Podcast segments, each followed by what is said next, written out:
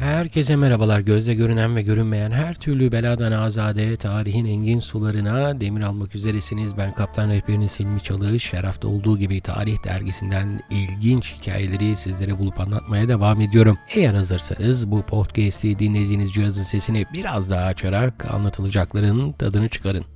Aslında bir gün gecikme benim biraz işime geldi çünkü bu bölümde ne yayınlayacağımı tam olarak karar vermemiştim ama dün bir haber seyrettikten sonra dedim tamam bunun yeri tam burasıymış belli bir süredir yapmayı planladığım sansür bölümünü yeri gelmişken sizlere anlatayım dedim. Neden yeri gelmişken dedim. 2016 yılında gördüğüm bir haber vardı. Bu haberde işte bazı ünlü şarkıcıların yasak listesine girdikleri yazılıydı bu haber. Çeşitli şeyler var. Bunlardan en ilginci toplumun milli ve manevi değerlerine, genel ahlaka ve ailenin korunmasına aykırı olamaz gibilerinden bir e, içerik de bunlar yasaklanmış. Genelde de işte aşkın şarabı olsun. Efendime söyleyeyim aslında bir Bektaşi deyişidir bu. İç şarabı diye bir şarkı var. Yani genelde kötü alışkanlık olarak addedilen alkol ve türevlerinin içeriğini barındıran şarkıları TRT yasaklamış hatta. Yani meşhur o her akşam vodka, rakı ve şarap şarkısında biz her ne kadar tamam Tanju Okan'dan biliyoruz ama e,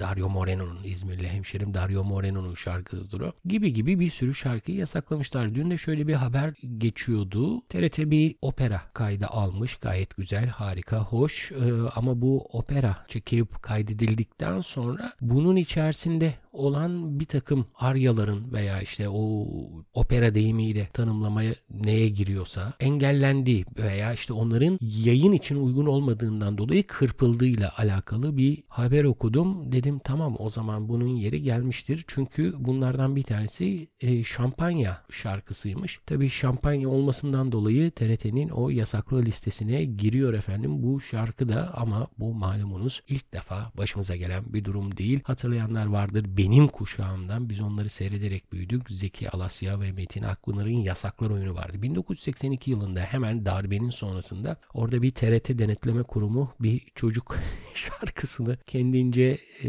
denetlemeye veya sansürlemeye çalışırdı. Ortaya da trajikomik bir durum çıkardı. İşte hemen darbenin arkasında bu gibi yayınları, bu gibi oyunları sergileyebilen cesur sanatçılarımız vardı o dönem için. Ama bunları maalesef göremiyoruz. Bunları mizaha dökebilecek ya mizahımız köreldi ya yeteri kadar cesur sanatçılarımız yok ki ben yeteri kadar cesur sanatçılarımız olduğuna inanıyorum ama iş biraz mizah boyutunda kalıyor. Şimdi bu uzun girizgahtan sonra e, elimdeki yazıya bakalım. 1952 yani tam 69 yıl öncesine götürüyorum efendim sizi. Enis Tahsin Til tarafından yazılmış bir yazıyı okuyacağım size. Enis Tahsin Til ile ilgili maalesef çok fazla hayatını anlatan bir şey bulamadım ama gördüğüm kadarıyla onun kitaplarından bir tanesi şu an Gazeteler ve Gazeteciler diye bir kitabı yayında şu an rahatlıkla bulunabilen bir şey bu. Anladığım kadarıyla daha çok beyefendi hayatı devam eder ki bilmiyorum şu an hayatta mı değil mi dediğim gibi çok fazla bilgiye ulaşamadım kendisiyle alakalı. Ee, basın tarihiyle ilgili yayınlar yapmış ki kitabın zaten adından da bunu anlıyoruz. Her zaman olduğu gibi öncelikle Enis Tahsin Til'in satırlarına yer vereceğim. Gerekli yerlerde de ben açıklama yapacağım. Başlığımızın adı istibdat yani baskı yönetimiyle idarenin başlıca alameti sansür. Basının en büyük düşmanı sansür. Gazetelere geçecek yazıların hükümetçe neşirlerinden evvel kontrolüdür. Türkiye'de sansür fikri ilk defa Sultan Abdülmecit zamanında kendini göstermiş, gazetelerin değil kitapların basılmazdan evvel tetkik ve muayeneye tabi tutulmasına başlanmıştır. O zaman gazeteler sık sık kapatılmak, sahip ve muharrirleri tevkif edilmekle beraber sansüre tabi değillerdi. Baskıdan evvel gözden geçirme usulü ilk defa Sultan Abdülaziz saltanatının sonlarına doğru 10 Mayıs 1876'da Mahmut Nedim Paşa bu meşhur Nedimov diye geçer. E, türbesi de Cağaloğlu'ndadır. Bilenler bilir diyeyim devam edeyim. Mahmut Nedim Paşa'nın sedaleti esnasında tatbik edilmiş. Gazetelerin bir kısmı protesto makamına neşriyatlarını tatil etmiş. Bir kısmı da bu ilk kararı protesto eder bir lisan kullanmışlar. Yani siz bizim yazılarımıza karışamazsınız demişler o dönemin gazetecileri. Zaten bu çok etkili olmamış. Sadece iki gün sürmüş. Bu Mahmut Nedim Paşa'nın politikası. İkinci sansür Sultan Abdülhamit tahta oturduktan az sonra 1878'de başladı. Malumunuz 93 Harbi'nin başlamasıyla beraber bu kendini gösteriyor ki zaten meşrutiyetin getirmiş olduğu meclisin de askıya alınması ve bu istibdat idaresinin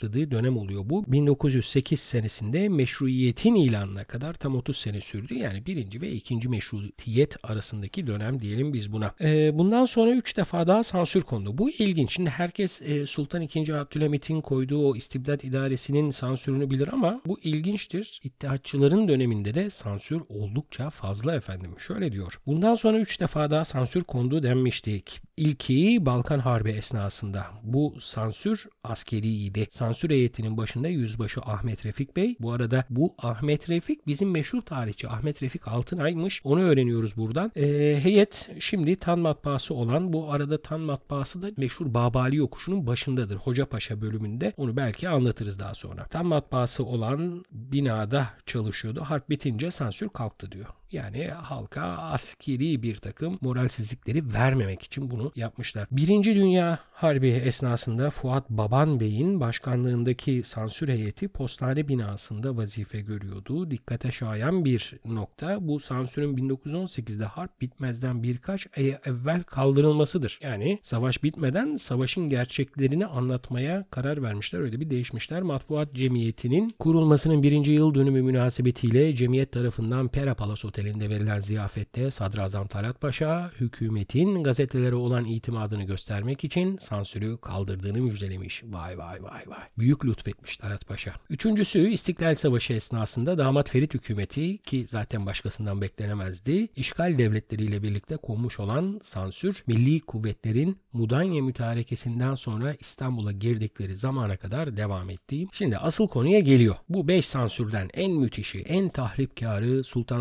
Abdülhamid'in 30 sene süren tazyik devridir, baskı devridir diyor. Sultan Abdülhamid'in sansürü matbuatı yani basın hayatını boğmuş, Türk gazeteciliği için felaket olmuştu. Sultan Abdülhamit sansür koymaya karar verince bunun tatbikini matbuat idaresine havale etti. Provalar her akşam matbuat müdürünün evine gönderilirdi. Yani prova burada bir deneme baskısı diyebiliriz biz buna. Çünkü şimdiki gibi e, dijital bir ortam yok. Tek tek o harfler diziliyor, matbaaya veriliyor. Matbaa da bunları basıyor. Provalar her akşam matbuat müdürünün evine gönderilir. Burada müdürün nezareti altında sansür memurları tarafından tetkik edildikten sonra mahsurlu görülen yazılar ya büsbütün yahut kısmen çizilirdi. Basımına müsaade edilenlerin altını müdür kırmızı mürekkeple imza ederdi. Bazen bir prova sual işaretiyle geri gönderilirdi. Bu işaret ne demek istendiği anlaşılamadı. Geldi izah et demekti. Ertesi gün muharriri yani yazarı giderek izahat verir. Müdür bu izahattan sonra yazının neşredilip neşredilmeyeceğini kararlaştırırdı. Provalar genellikle yatsı namazından sonra yani ortalık karardıktan 1-2 saat sonra sansüre gönderilir. Gece yarısından evvel matbaaya verilirdi. O zamanlar güneş battıktan sonra şehirde hayat dururdu. Ajanslar da geceleyin bülten vermezlerdi. Yani demek ki o dönemde de böyle haber ajansları var. Anadolu Ajansı gibi. E, bu sebeple sansür işini erken bitirmek mümkündü. Ma mafih bazen matbuat müdürü mabeyine yani saraya çağrıldığında işler dururdu. Onun gelişi beklenirdi. Böyle geceler provalar ancak sabaha karşı matbaaya getirilir. Gazeteler vaktinde çıkmaz öğlene kadar beklerdi. İlginç bir şey ekliyor burada. Bu sansürcüler e, şüphelendikleri şeylerin e,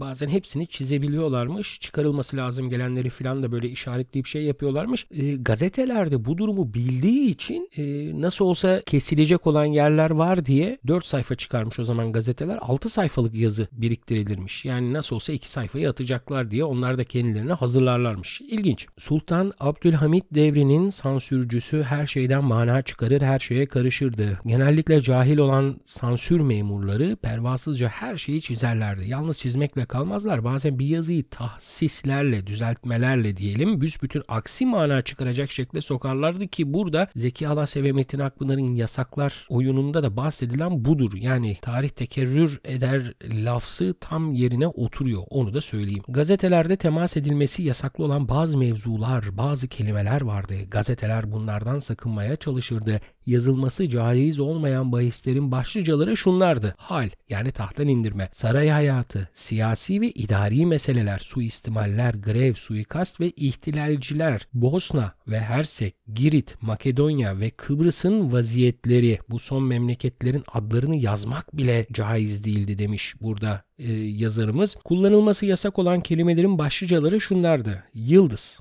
saraydan dolayı.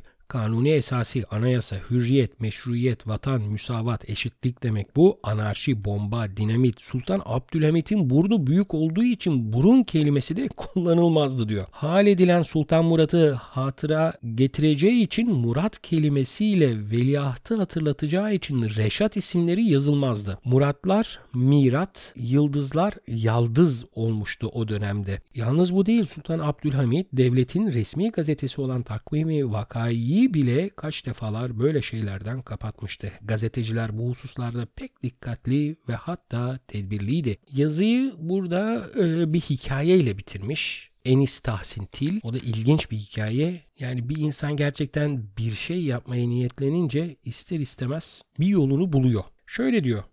Sultan Abdülhamit devrinin sansürü Hıfsı Bey'in matbuat müdürlüğü zamanında bilhassa şiddetlendi diye konuya girmiş Enis e, Tahsin Til. Şöyle diyor, şimdi Sultan Abdülhamit devrinin sansürüne ait bazı garip vakalar anlatacağım diye söze girmiş. Sultan Abdülhamid'in tahta çıktığının 25. yıl dönümünde yani 1901 tarihine kadar gazeteler iki paralık pul resmine tabiydiler. Yani her gazeteye iki paralık pul yapıştırılırdı. Gazete sahipleri genellikle bundan sızlanırlardı tabii ki. O zaman gazeteler 10 paraya satılırdı, 2 parası devlete giderdi. Sultan Abdülhamit Culusu'nun 25. yıl dönümü münasebetiyle gazetelerden pul resmini muaf tuttu. Buna irade buyurdu. Bu haber matbuat aleminde sevinçle karşılandı. Fakat ortaya bir güçlük çıktı. Matbuat müdürü Hıfsı Bey geceliğin gazetelerden birer muhacir istedi. Yani yazar istemiş. O akşam İktam gazetesinden nöbetçi Annan Bey'miş. Bu Halide Edip'in de eşi olan Annan adı var efendim. Derhal matbuat müdürünün evine gitmiş Annan Bey. Müdür kendisine şu tebliğde bulunmuş. Şevket Mehap Efendimiz pulu affetti. Yarından itibaren gazeteler pulsuz çıkacaklar. Fakat onun yerine gazetenin her nüshasına imtiyaz sahibinin soğuk damgası ile imzası bulunacak. Annan Bey pek genç ve tecrübesiz olmasına rağmen bunun imkansız bir şey olduğunu anlatmış. Yani gazetenin sahibi satılacak bütün nüshaları imzalamak ve bunlara soğuk mühür vurmak zorundaymış. Tabii ki adam da anlamış bunu. Beyefendi bu çok güç belki de imkansız bir şey deyince Hıfsı Bey bu matbuat müdürü hiddetlenmiş gözlerini açarak senin aklın ermez gönderecek başka adam bulamadılar mı diye çıkışmış. Genç muhacir döndüğü zaman İktam gazetesinin sahibi Ahmet